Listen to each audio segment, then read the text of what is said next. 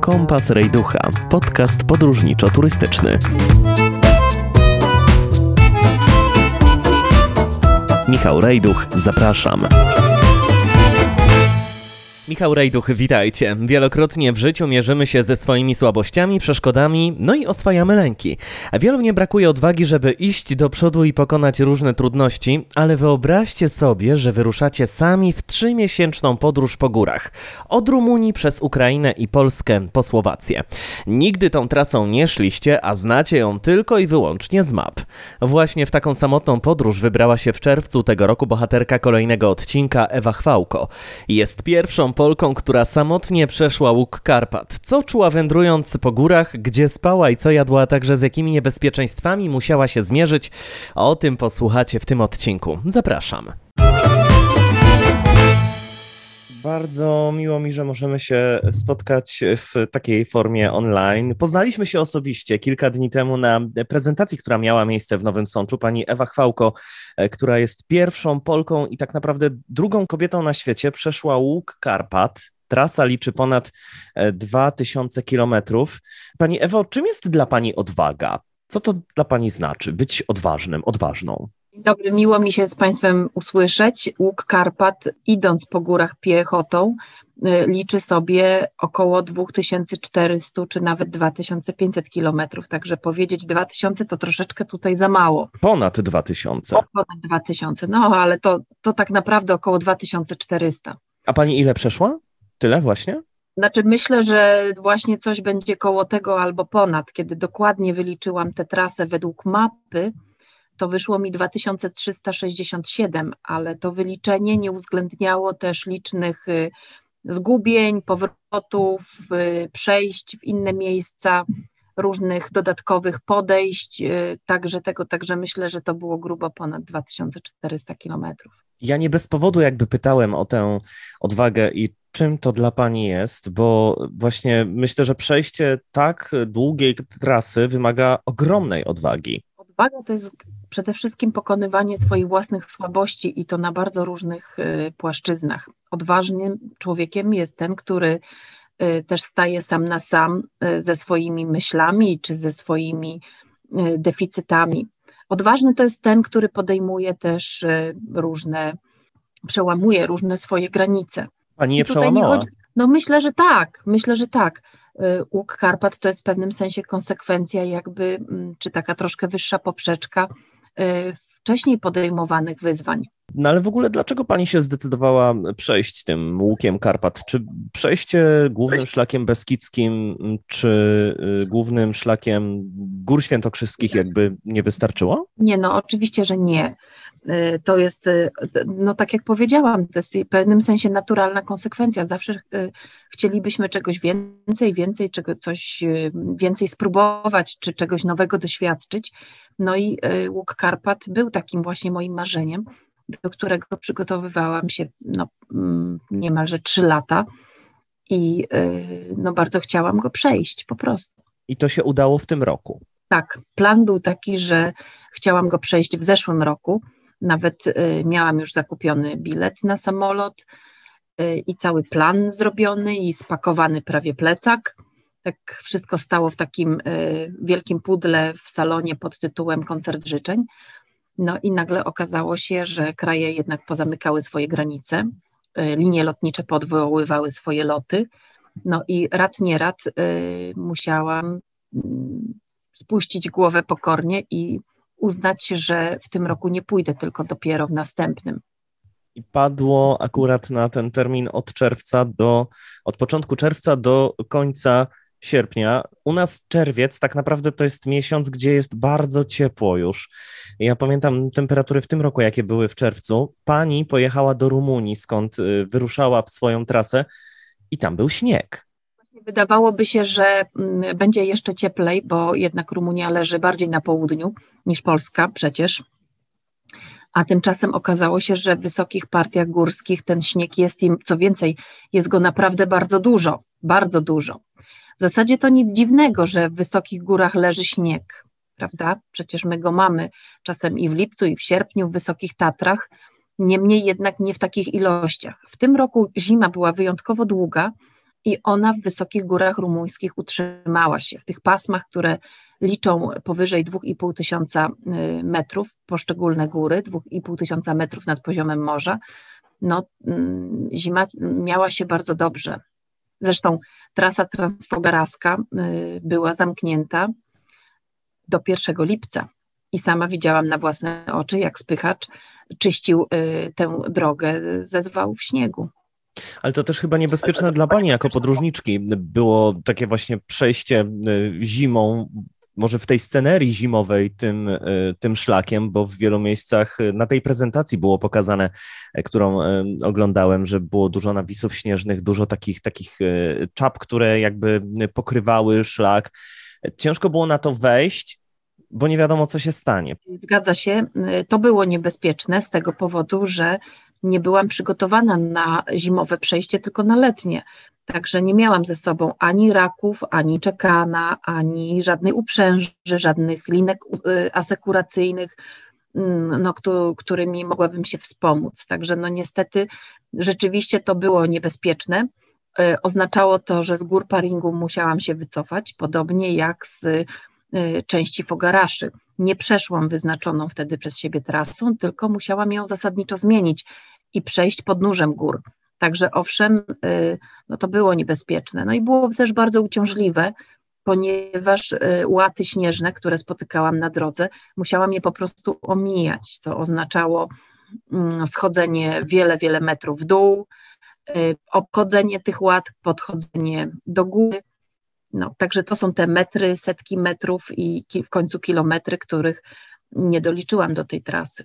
Tu mówiła Pani, że musiała zmodyfikować nieco swoją trasę. Rozumiem, że tak. mapa w plecaku była i podejrzewam nie jedna. Jedna, ale solidnie przygotowana i złożona z wielu map. Może nam Pani o tym ja opowiedzieć, bo to jest, to jest w ogóle dla mnie majstersztyk, to co Pani zrobiła. Pani przygotowała jakby sobie taką swoją książkę z, z mapami dla siebie, taki atlas. Zgadza się i opisami, i opisami też, bo w gruncie rzeczy y, każdej, y, każdej mapie towarzyszył bardzo szczegółowy opis, gdzie y, było dokładnie wyznaczone, jakie szczyty mijam, którędy mam iść, czy w jaki szlak skręcam, albo jeśli idę poza szlakiem, to dokładnie którędy.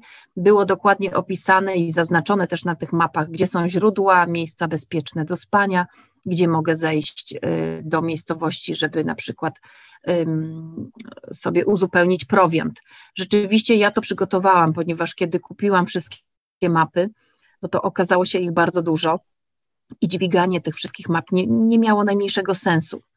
Y, kiedy wyznaczyłam sobie trasę, no to wszystkie mapy zeskanowałam, a następnie powycinałam te fragmenty, które, y, znaczy kolega mi pomagał z pracy, grafik, powycinałam te fragmenty, które mnie interesowały i z nich ułożyłam własną książkę. Oczywiście, że ona no, y, nie jest do publikacji, tak, łamie wszystkie prawa autorskie, ona jest tylko y, dla mojego takiego osobistego, prywatnego użytku i muszę powiedzieć, że zdała egzamin znakomicie, ponieważ y, w pewnym momencie, na samym początku zresztą, kiedy zepsuł mi się telefon i straciłam wszystkie mapy offline, bo trzeba przyznać, że Miałam też całą trasę poukładaną i przeniesioną też do wersji elektronicznej na mapach CZ.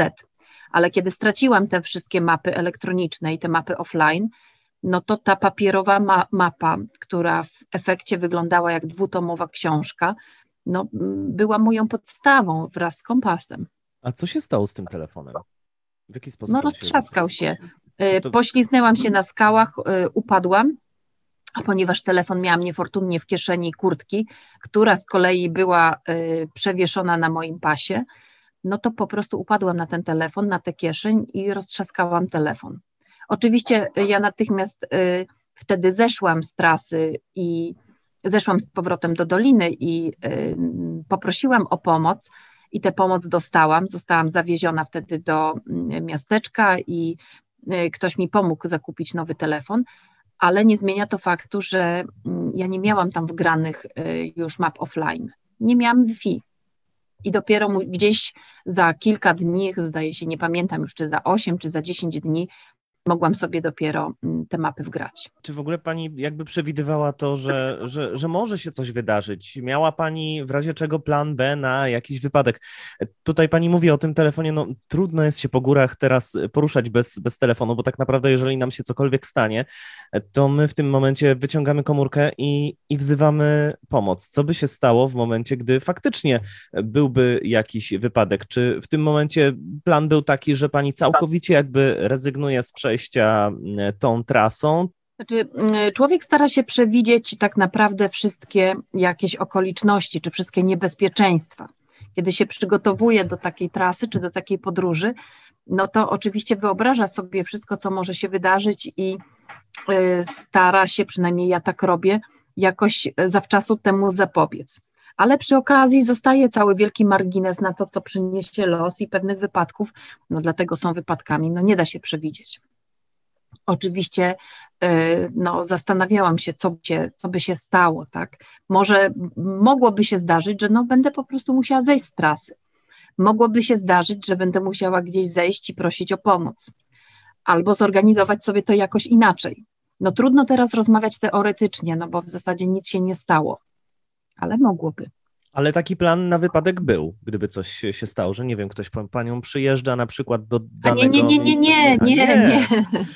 Nie, nie, no bez przesady, nie, nie. No, oczywiście, że gdyby coś się wydarzyło takiego spektakularnego czy bardzo dramatycznego, y, no to oczywiście ja mam do kogo zadzwonić, żeby po mnie przyjechał, ale to nie był ktoś, kto mi gdzieś tam towarzyszy. Ja nie miałam żadnego supportu ani żadnych depozytów. Nikt mi nie towarzyszył, że tak powiem, gdzieś powiedzmy 100 kilometrów dalej. No nie, nie, nic takiego nie miało miejsca. Tutaj pani poruszyła też dość ważny temat, bo ja z wieloma osobami rozmawiałem, które e, przeszły i chodziły po górach, i chodziły też e, po, po różnych krajach.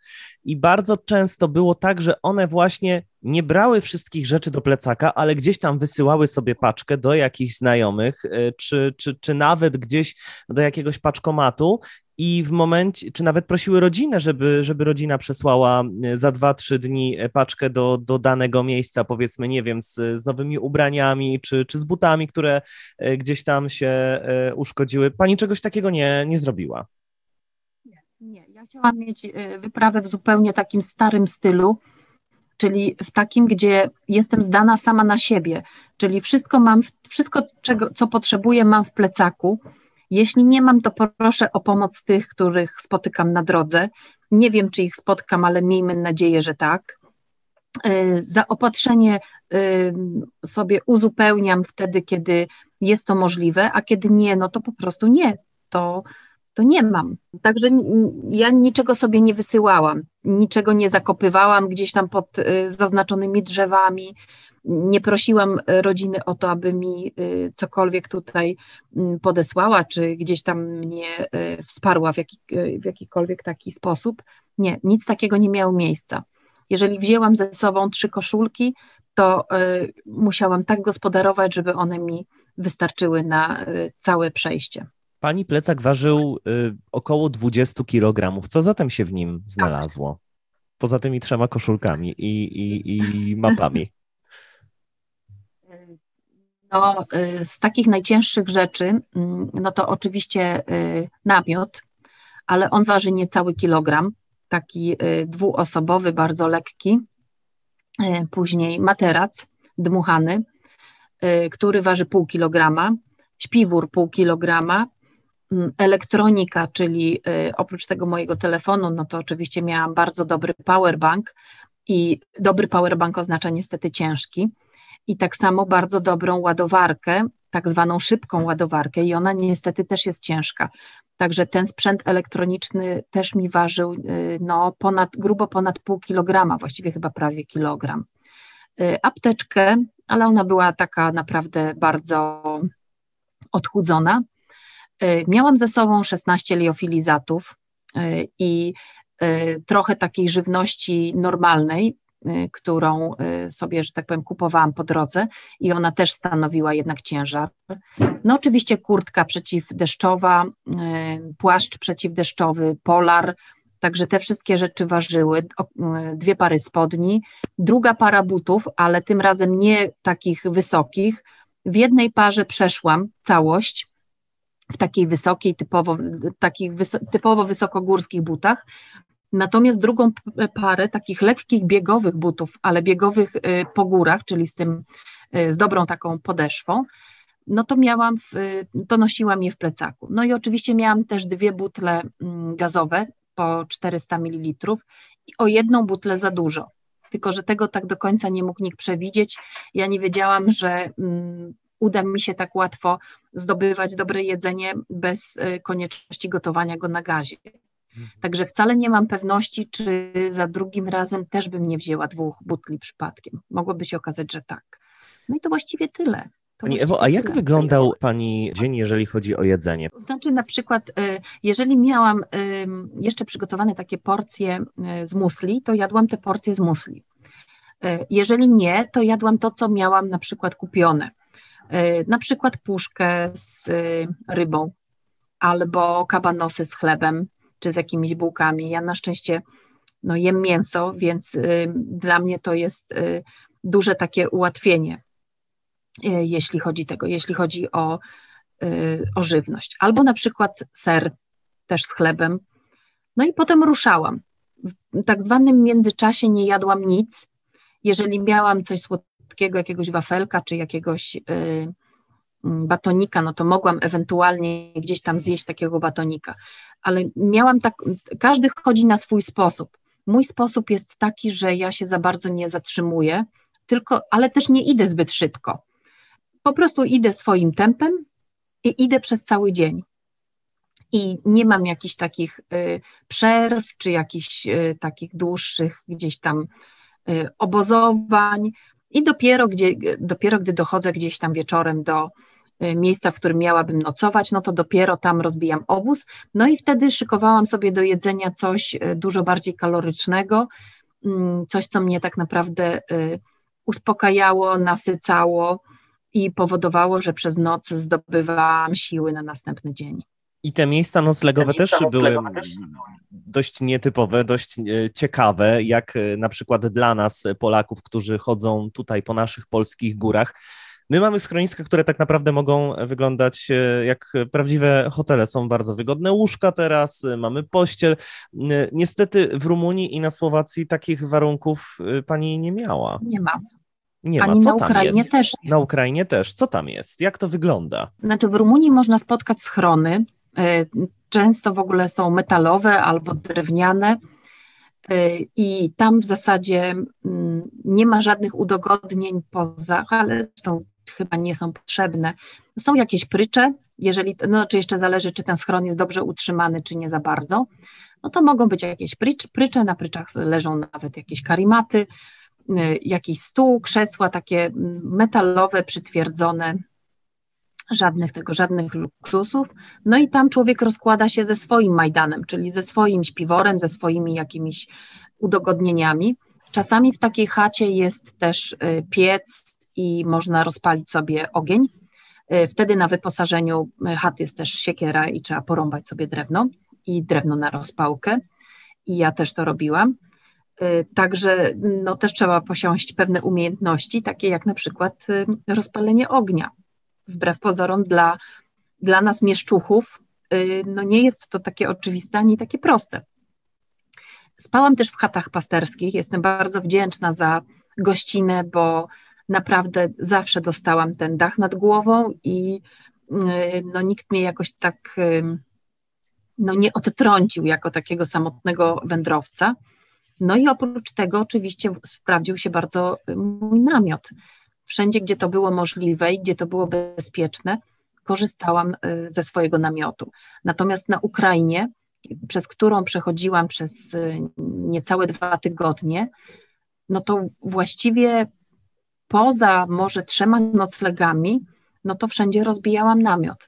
No ale na swojej drodze wiem, że też spotkała Pani mnóstwo osób, zarówno na szlaku, jak i też w miastach, które Pani odwiedzała. Czy te osoby miały jakiś wpływ na Pani wędrówkę, na Pani wyprawę? Oczywiście, przeważnie bardzo taki mm, pozytywny i podnoszący. Tutaj muszę powiedzieć, że w górach Rumunii akurat było bardzo pusto i y, ja nie spotykałam innych y, wędrowców ani turystów, a jeśli tak, to bardzo, bardzo rzadko. Y, natomiast spotykałam mieszkańców, czyli pasterzy, którzy wypasali swoje owce albo swoje stada krów. Oni tam przebywają w tych wysokich górach od końca kwietnia do niemalże końca września. Także spotykałam pasterzy, którzy dzielili się ze mną i swoją żywnością, i swoim dachem nad głową, także to było naprawdę ujmujące i takie zachwycające i podnoszące na duchu. Y, rzadko spotykałam właśnie wędrowców. Mm, przed Piatra Krarului spotkałam się z takimi reprezentantami takiej górskiej grupy Sherpas i Sherpas i oni byli dla mnie bardzo uprzejmi. W ogóle przynieśli mi wtedy takie wyposażenie w liofilizaty, czyli uzupełnili moje tak zwane żelazne zapasy. Czasami ktoś ze mną szedł kawałek. Y, raz szła ze mną taka Czeszka, y, Marketa, innym razem y, trójka takich Rumunów. Naprawdę to było bardzo takie też przyjemne. Ale czemu tych turystów no tam jest tak mało? Tam nie ma, na to przykład znaczy, w. Rumunii, nie ma, nie ma takie, tam nie jest takie popularne chodzenie po górach jak na przykład w Polsce? To znaczy na pewno nie jest. Na pewno nie jest, ponieważ pamiętam jak e, w takim schronisku pod górą Dżumalu pokazywałam nielicznym gościom, czyli około pięciu osobom, tak, plus gospodarzom, kiedy pokazywałam im, e, jak liczne są polskie grupy górskie, Beskidomaniacy, członkowie grupy Sudety z plecakiem, czy też Tatromaniacy, to oni byli zszokowani. Przecież u nas to są dziesiątki, dziesiątki tysięcy osób. A tam nie, tam nie.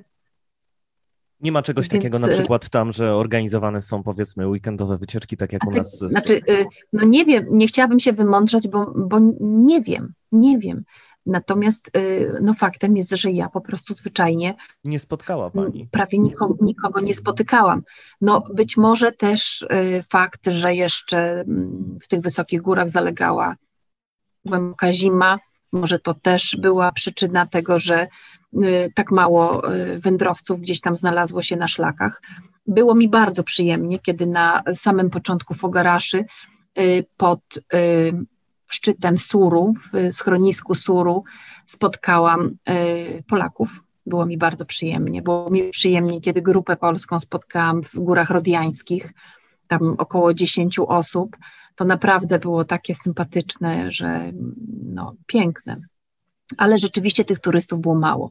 Inaczej rzecz wyglądała na Ukrainie, ponieważ y, tam z kolei turystów było bardzo dużo. Oni naprawdę z taką Mm, frajdą i z taką sympatią chodzili sobie po tych swoich górach z wielkimi plecakami, nigdzie się nie spiesząc. I to było dla mnie też takie pouczające i nowe doświadczenie, że wcale nie trzeba iść tych kilometrów, tak? My lubimy się pochwalić, że przeszliśmy tyle, przeszliśmy tyle, mamy taki szlak długodystansowy, taki, a czasami największa czysta przyjemność wynika z tego, że po prostu człowiek idzie, nie spieszy się i że rozbije się tam, namiotem, gdzie mu się to podoba. I tam sobie też rozpali ognisko, bo akurat na Ukrainie można. Idzie, Mam nadzieję, że u nas się. w Polsce tak. I widzi Nigdzie niesamowite widoki pewnie. Tak, na przykład y, dla mnie właśnie takim doświadczeniem było, kiedy szłam z Miszgiri do Wołowca, y, właśnie taką trasą, y, takimi szlakami górskimi. I zaraz za Miszgirią spotkałam takiego chłopaka, który szedł właśnie z Wołowca, Ukraińca, w przeciwną stronę. No i tam chwilę porozmawialiśmy i on do mnie powiedział, że on idzie trzy dni. I ja się przestraszyłam, bo zobaczyłam wysportowanego chłopaka i sobie myślę, o matko, jak to trzy dni, aż tak długo? Przecież ja zamierzałam to zrobić dużo szybciej. Zaniepokoiłam się, że może na tarasie są jakieś y, utrudnienia. Po czym, kiedy dochodziłam do Wołowca już i przeszłam tak naprawdę tę trasę w półtora dnia, zobaczyłam go znowu, tego samego. Okazało się, że on doszedł do Miszgiri, uznał, że i tak przyszedł za wcześnie, a ma jeszcze dzień wolnego, więc pociągiem przejechał z powrotem do Wołoza i ruszył w drogę jeszcze raz, żeby jeszcze wykorzystać ten ostatni dzień. Mnie spotkał po raz drugi, ale ja to przeszłam w półtora dnia, a on poświęcił na tę trasę cztery dni. I ja się wtedy zastanowiłam, kto z nas robi lepiej? Tak? No ja miałam inne wyzwanie, inny cel, ale jednak to spotkanie uświadomiło mi, że czasami po prostu trzeba zupełnie inaczej podejść do chodzenia po górach. Pójść tylko po to, aby się rozbić, posiedzieć, popatrzeć, nazbierać ziół do herbaty. I to też jest piękne. A proszę powiedzieć, w jaki sposób tam mm, są oznaczone szlaki na tym łuku Karpat, zarówno w Rumunii, na, na Ukrainie, czy, czy też e, na Słowacji? Bo my jakby mamy taki pogląd tego, co, co jest u nas w Polsce, że te szlaki w Polsce, no, na przykład w Beskidzie Sądeckim, są bardzo dobrze oznaczone. A jak to jest e, w, właśnie e, na tym szlaku łuku Karpat? Bardzo różnie. To znaczy, przede wszystkim trzeba sobie powiedzieć też tutaj ważną rzecz, że nie ma czegoś takiego jak y, główny szlak karpacki. Jeszcze nie ma. Mam nadzieję, że będzie. Że właściwie każdy wędrowiec, który decyduje się przejść cały łuk Karpat, musi sam sobie poukładać ten szlak i wybrać drogi, jakie mu tam odpowiadają. Co oznacza, że tak naprawdę napotyka różne drogi. Niektóre fragmenty, niektóre szlaki są świetnie oznaczone, na przykład w górach Retezatu, czy też y, w innych, na przykład y, w górach Czerny, czy też w górach Fogaraszach. Natomiast niektóre fragmenty są zaznaczone fatalnie, albo ich w ogóle nie ma. Nie, szlaki nie są oczyszczone. Jeśli drzewa, drzewa upadną, no to one tam leżą, trzeba je omijać, trzeba szukać, gdzie to oznaczenie jest. Czasami zdarzył mi się taki fragment trasy, gdzie ktoś noszalancko y, zaznaczał czerwoną farbą na roślinach, czyli tu maznął na jałowcu, na niebiesko, tu gdzieś maznął na jakiś, na trawie, no i właściwie no... Ale co pani wtedy chociaż... poczuła? Zastanawiała się pani w ogóle, czy, czy ja się nie zgubiłam? Czy ja mam iść y... za, za tymi pomazanymi krzakami, czy jednak nie, zawrócić? Ja nie, wie... ja nie wiem, czy to jest dobre pytanie, y, co ja poczułam, bo klełam jak y, w żywy kamień, tak? Klełam całkowicie na głos i po, no, bo nikt mnie nie słyszał, więc to w ogóle było straszne. No wiadomo było, że muszę iść za tymi oznaczeniami niebieskimi, za tymi maźnięciami farbą, gdzie bądź Ale pani była pewna, że to jest właśnie to właściwe oznaczenie szlaku, czy jednak było z tyłu głowy, że... Byłam pewna. Mhm. Nie, nie byłam pewna, ale nie było nic innego, co mogłabym tutaj wymyśleć, więc uznałam, że dobra, to idziemy Podejmuję tędy. ryzyko, idę do gdzieś, przodu. Tak, gdzieś dojdziemy. Y, I rzeczywiście pamiętam, że ten fragment był koszmarny, bo wiódł na przykład przez olbrzymią, olbrzymie zbocze, y, porośnięte łopianami i pokrzywami, na którym nie było kompletnie żadnej ścieżki, choćby najmniejszej. Więc ja rozgarniałam kijkami te łopiany, żeby tam jeszcze nie nadepnąć na żadną żmiję, ani nie wpaść gdzieś. I po prostu rozgarniałam i patrzyłam, może tędy, może tędy, tu wracałam, tu znowu szłam a może tędy, żeby gdzieś po drugiej stronie tej wielkiej łąki, tylko nie wiadomo gdzie, znaleźć znowu to maźnięcie farbą. No w końcu się udało, ale to, co się tam napłakałam i naklełam, to moje. Mhm. Czyli jednak były takie dość e, mocne te emocje. No oczywiście, że tak, oczywiście. No również wtedy, kiedy no człowiek wie, że ma iść, ma ograniczony czas, bo gdybym ja miała nieograniczony czas, to byłoby zupełnie inaczej, ale ja wiedziałam, że muszę się zmieścić y, w tych trzech miesiącach, bo tylko tyle miałam urlopu. Więc kiedy człowiek idzie, a tu mu na przykład cały czas leje deszcz, leje, koniec, kropka, leje, leje i już. No i trzeba iść w tym deszczu i suszyć te buty gdziekolwiek, gdzie bądź.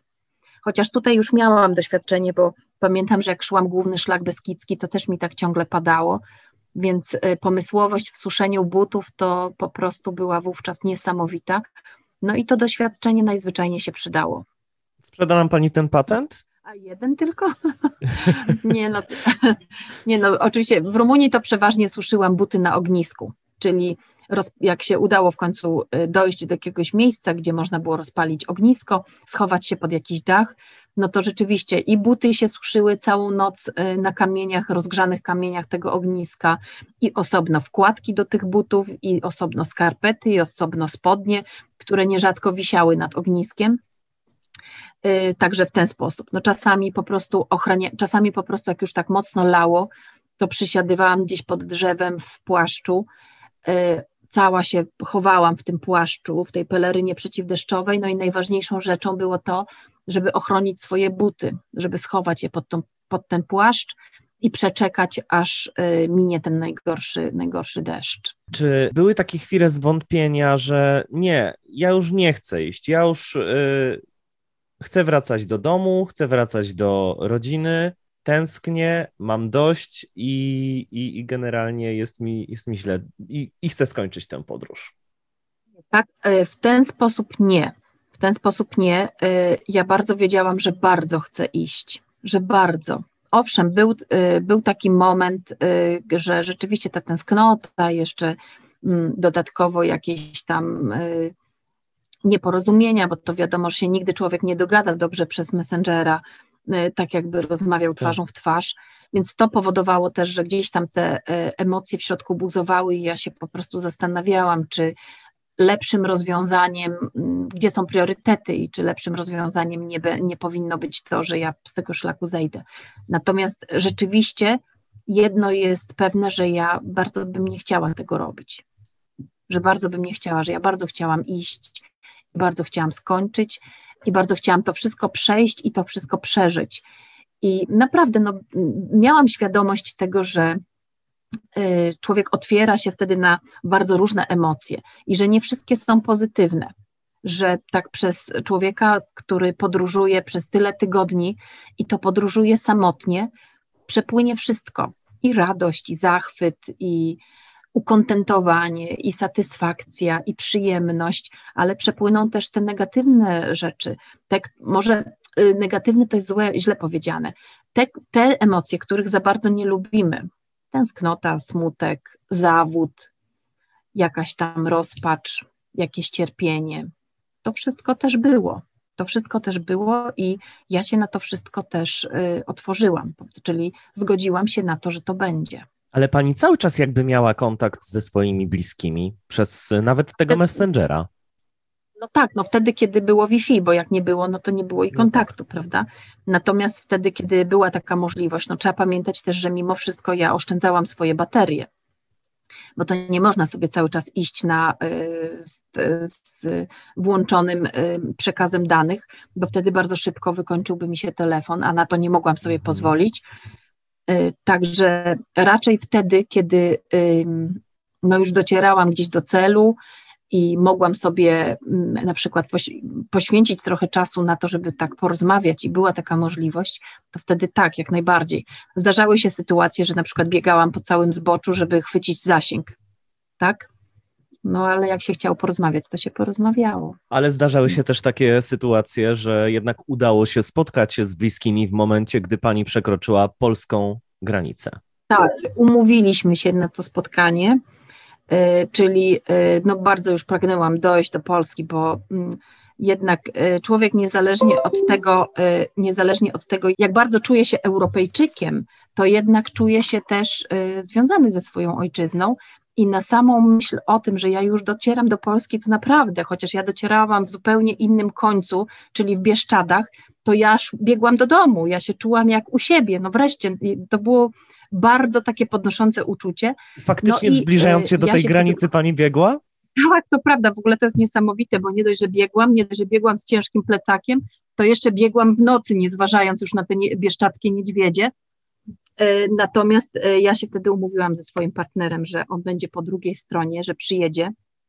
I on też, i kiedy ja tam czekałam na tej granicy ukraińsko-słowackiej, żeby kiedy mnie przepuszczą, kiedy sprawdzą już te wszystkie moje E, szczepienia i tak dalej, e, a potem jeszcze po prostu miałam przed sobą 30 kilometrów, no to bardzo dużo.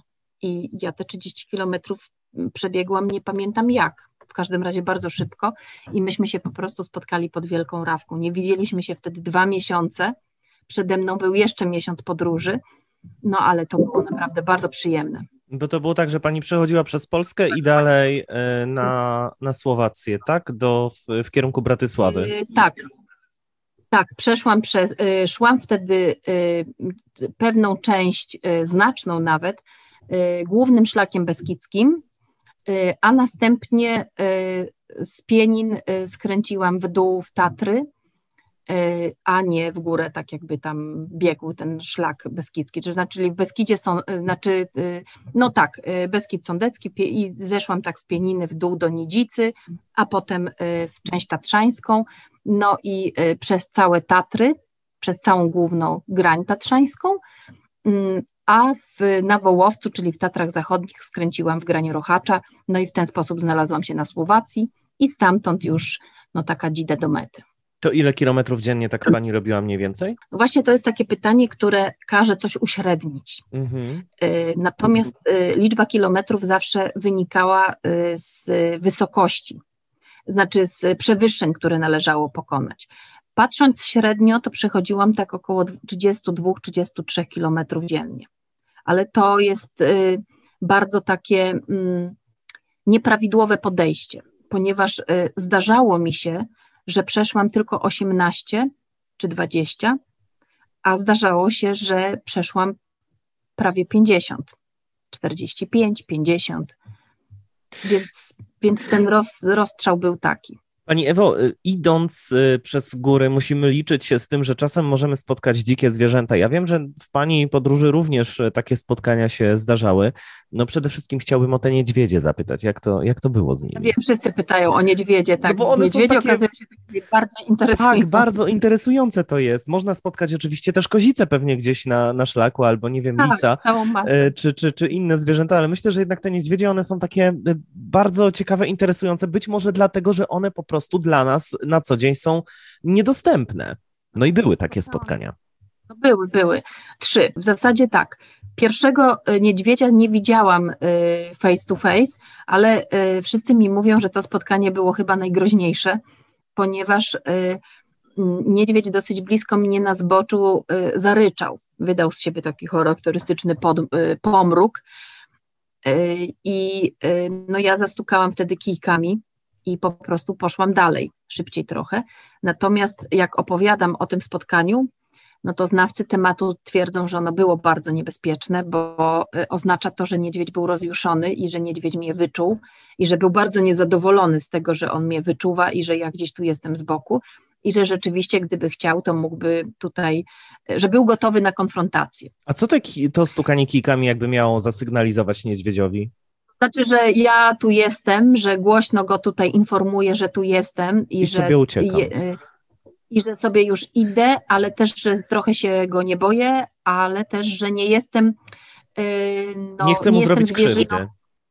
Nie, nie jestem zwierzyną, którą on chciałby spotkać na przykład, tylko człowiekiem, z którym mhm. może on raczej nie chce mieć żadnej konfrontacji. Także tu rzeczywiście w odpowiedzi zastukałam kijkami, ale ruszyłam żwawo do przodu. Nie uciekałam, ale maszerowałam szybko. Y, drugiego niedźwiedzia y, spotkaliśmy, ponieważ nie byłam wtedy sama, tylko y, towarzyszyło mi właśnie wtedy tych trzech chłopaków, trzech Rumunów. Myśmy wtedy zmienili trasę, bo nie mogliśmy wejść na szczyt Nagoju, tylko trzeba było, bo ze względu na śnieg zalegający tam, i rzeczywiście schodziliśmy do doliny. No i w pewnym momencie ten niedźwiedź się wynurzył gdzieś tam z, z pośród drzew, wyszedł nam na spotkanie. E, no i panowie stanęli obok siebie, e, zrobili taki wizualnie wielki gabaryt, no i zaczęli gwizdać. No i ten niedźwiedź wycofał się z powrotem w, między drzewa, ale nie uciekał, tylko ani nie odszedł gdzieś tam dalej, tylko rzeczywiście między tymi drzewami tam sobie przyglądał się nam.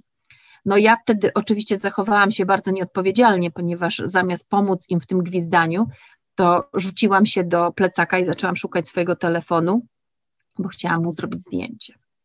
No. Natomiast trzecie spotkanie to już było takie, mm, bym powiedziała, no naprawdę bardzo satysfakcjonujące, y, a mianowicie spotkanie w, twarzą w twarz ponieważ spotkaliśmy na mm, zboczu e, zupełnie niezalesionym, takim trawiastym, to było w e, górach Maramuresz, czyli w ostatnim paśmie gór rumuńskich. Niemalże w, w ostatni dzień mojego pobytu w ogóle w Rumunii. I rzeczywiście po prostu ten niedźwiedź musiał sobie leżeć gdzieś na trawie, podniósł się. No i tak sobie staliśmy naprzeciwko siebie w odległości kilkudziesięciu metrów no i w pewnym momencie niedźwiedź po prostu odpuścił i poszedł w bok. Ja nie uciekałam, zachowałam całkowity spokój. Zresztą nie było powodu, znaczy, zimną krew, ale nie było innego wyjścia, bo gdybym mhm. ja tylko zaczęła się wycofywać, uciekać, nie daj Boże, to on by po prostu za mną pobiegł. A tak to jakby został pozostawiony swoim decyzjom i zdecydował, że odejdzie. Dogoniłby mnie w dwie sekundy, nie miałoby sen, jakikolwiek inny ruch nie miałby sensu. Jasne. Pani Ewo, powstaje książka, którą Tak. pani pisze. Tak, ona będzie poświęcona w całości Łukowi Karpat, czyli będzie to po prostu 84 dni samotnej wędrówki. Także ja y, będę po prostu opisywać całe to doświadczenie, które, y, y, no, które było moim udziałem, całe to przeżycie, czyli od początku do końca. Jednakże nie będzie to taka sensu stricte relacja y, z podróży, ponieważ będzie tam e, sporo dosyć taki, ja jestem z wykształcenia historykiem i, i jestem humanistą, więc tam będzie e, dużo takich e, wstawek, informacji o tym, gdzie ja właściwie jestem, kogo spotykam i dlaczego tak się dzieje. Dlaczego Ale to tak się pani dzieje. będzie bohaterką tej książki? No nie, no raczej Karpaty będą bohaterami tej książki, a właściwie bardziej też i ludzie, których tam spotykałam i miejsca, przez które przechodziłam. Ja to jestem tam właściwie tylko ym, no, kimś, kto, ym, kto to wszystko widzi. Ja będę narratorem tej książki, natomiast tak naprawdę no, bohaterami będzie ten cały zewn- zewnętrzny świat. Ym, Powiem tak, tam jest bardzo dużo interesujących zjawisk, bo ten łańcuch górski sobie jest, on rzeczywiście na mapie fizycznej świata przypomina łuk. E, Góry sobie stoją i są takie niewzruszone i w zasadzie takie niewzruszone turnie, które uczą człowieka pokory, cierpliwości i pewnej niezmienności świata. A tymczasem to są wszystko takie tereny, na których ta y, historyczna zmienność y, była i to dynamiczna i intensywna. Y, Ja tam na przykład spotkałam Węgrów, no więc człowiek musi sobie uświadomić, że to nic dziwnego, ponieważ cała Transylwania, która dotychczas była węgierska, po I wojnie światowej stała się, y, została przyłączona do Rumunii, więc nic dziwnego, że ci Węgrzy są i to stanowią aż 7% społeczeństwa rumuńskiego. Spotkałam tam Cyganów, więc też człowiek musi sobie uświadomić, że o ile w Polsce mieszka około 20 tysięcy Romów, to w Rumunii mieszka ich około 2,5 miliona, więc też nic dziwnego, że oni są. Aczkolwiek trzeba i że można ich spotkać, ale też trzeba sobie uświadomić, że, że my w Polsce często identyfikujemy Romów i Rumunów, a to są zupełnie dwie różne narodowości. Więc ja to wszystko tłumaczę i to wszystko pokazuję i to wszystko będzie w mojej książce. Yy, Także mm, no, zachęcam, mam nadzieję, że będzie interesująca. Staram się ją pisać w taki sposób, y, żeby to nie była taka nudna narracja. Tam będą i dialogi, i opisy.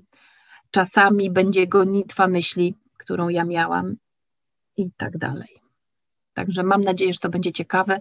y, I y, było wiele sytuacji y, takich absurdalnych czy surrealistycznych. Ja się czasami śmieję i mówię, mój brat surrealizm, ponieważ mnie to nierzadko spotyka, więc te elementy surrealizmu też się znajdą w tej I książce. książka już prawdopodobnie w lutym 2022 roku ukaże się tak, na rynku. Tak, ja myślałam, że tak naprawdę wyrobię się pod choinkę, ale się nie wyrobię, ponieważ mam pewien pomysł, którym chcę też zaskoczyć swoich czytelników i o tym pomyślę w ogóle tu nie wspomnę.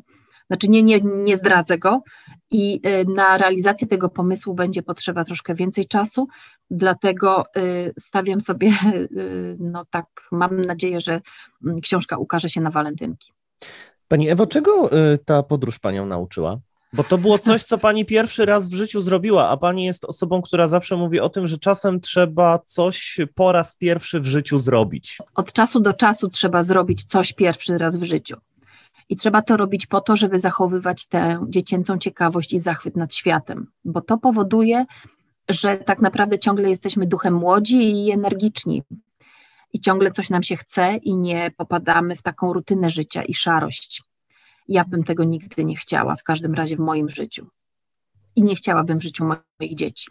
Trudno powiedzieć, czego mnie ta podróż nauczyła. Ona mnie nauczyła przede wszystkim tego, że to, co najbardziej trzeba szanować w życiu, to ciężką pracę ludzi. Ja się przyglądałam bardzo ciężkiej pracy, zwłaszcza pasterzy, którzy y, pracują przy swoich stadach owiec. Nieprawdopodobnie mm, pracowici ludzie, a ich praca jest bardzo ciężka. I to jest coś, co należy bardzo szanować i bardzo lubić i kłaniać się przed tym nisko. Nauczyłam się tego, znaczy wiedziałam o tym, ale y, przyznam szczerze, że ten świat mi to, y, to przejście mi to pokazało, że najbardziej podzielą się z człowiekiem ci, którzy mają najmniej. Tak, to taka w zasadzie znana prawda i ona znalazła swoje uzasadnienie. Miałam na przykład taką sytuację, że chciałam się rozbić gdzieś namiotem i nagle ktoś się wychylił i powiedział do mnie: Nie możesz się tutaj rozbić, bo myśmy za ten domek zapłacili 600 euro i y, cały ten teren tutaj należy do nas. Tak? Także zdarzyła mi się taka sytuacja, też opiszę ją dokładniej w książce. Także na przykład właśnie to mnie nauczyło, że najwięcej człowiek dostanie od tego, który ma najmniej. Nauczyła mnie też tego, że mm, właściwie powinniśmy korzystać i cieszyć się swoim życiem i korzystać z tego życia najwięcej jak się da, bo y, to jest jedyne, co tak naprawdę mamy. Że nas kiedyś też nie będzie, nas kiedyś też nie będzie, a świat będzie trwał, będzie trwał, tak jak te właśnie nagie turnie. Niewzruszone, w ogóle się nie przejmują tym, co się przewala dookoła nich. Więc y, tej radości życia i korzystania z życia też ta, w takim dobrym i pozytywnym sensie, tego mnie też to przejście nauczyło. No dziękuję w takim razie Pani bardzo za, za tę e, rozmowę. Fajnie, że udało nam się spotkać. Oczywiście czekamy na książkę przede wszystkim. E, tak jak mówiliśmy już, ukaże się e, prawdopodobnie w lutym na walentynki, tak jak Pani Ewa Tak, mówiła, planuje. Tak. Mam nadzieję, że nieprawdopodobnie, tylko na pewno. No to na pewno, okej. Pani Ewo, bo o Pani podróżach można również przeczytać na Pani stronie internetowej. Czy możemy, Tak e, możemy ją podać, możemy przybliżyć? Tak, to po prostu ewachwalko.pl, czyli bez polskich znaków. Je- Moje nazwisko pisze się przez CH, czyli y, ewachwalko.pl i to jest moja strona internetowa, można przeczytać relacje, ale nie tylko z Łuku Karpat. Z Łuku Karpat tam jest niewiele relacji, ponieważ uświadomiłam sobie, że bardzo chcę, żeby wszystkie opowieści znalazły się w książce, a nie na stronie internetowej. Natomiast jest też wiele takich relacji z różnych innych y, wycieczek, podróży, y, które były moim udziałem i moich przyjaciół, którzy mi towarzyszyli. Czyli zapraszamy na tę stronę internetową, a Ewa Chwałko, pierwsza Polka i druga kobieta na świecie, która e, przeszła łuk Karpat, była moim i waszym gościem. Dziękuję pani bardzo za rozmowę. Dziękuję bardzo, dziękuję ślicznie. To wszystko w tym odcinku, a ja przypominam, że Kompas Rejducha znajdziecie również na Facebooku, a także na Instagramie. Zachęcam do lajkowania, zachęcam do komentowania, tam też możecie skontaktować się ze mną, a tymczasem to tyle na kolejny odcinek. Zapraszam już niebawem. Michał Rejduch, do usłyszenia.